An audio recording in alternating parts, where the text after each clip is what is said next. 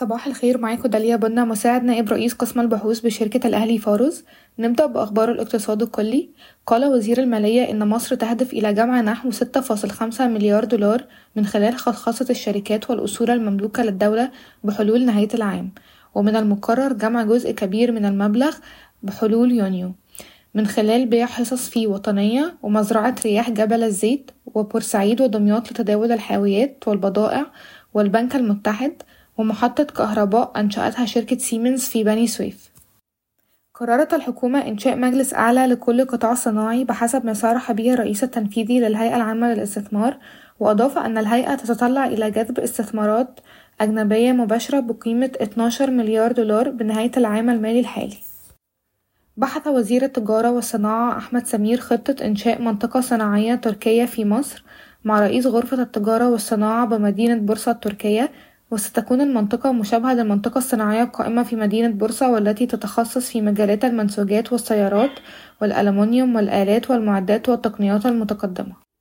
أما بالنسبة لأخبار الشركات والقطاعات حققت شركة أوراسكوم للتنمية مبيعات مذهلة خلال الربع الرابع من عام عشرين تلاتة وعشرين بقيمة ستة فاصل أربعة مليار جنيه مصري بزيادة قدرها ستة وستين في المية على أساس سنوي وأربعتاشر في المية على أساس ربع سنوي.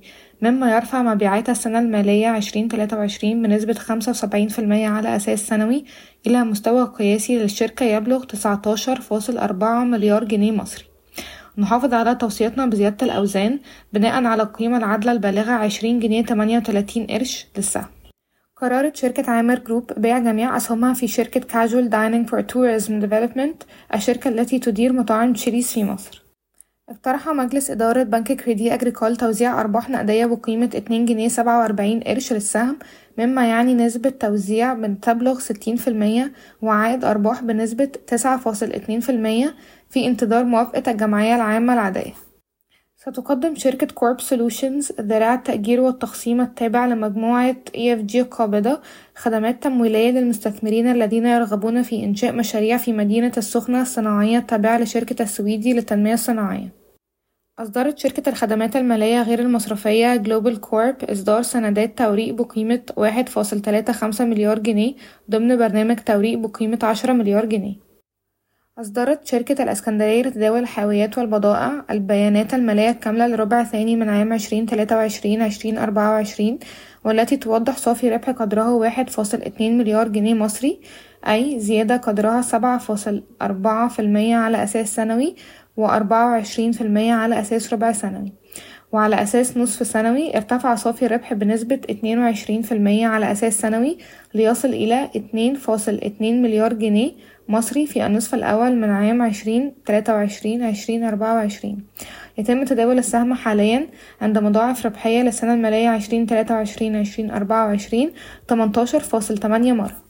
أعلنت شركة السويدي إلكتريك عن حصول شركتها الشقيقة السويدي للكابلات قطر على خطاب ترسية للمؤسسة العامة القطرية للكهرباء والماء كهرماء ويهدف هذا العقد إلى توريد كابلات كهربائية بقيمة تتجاوز 327 مليون دولار أمريكي لمدة ثلاث سنين.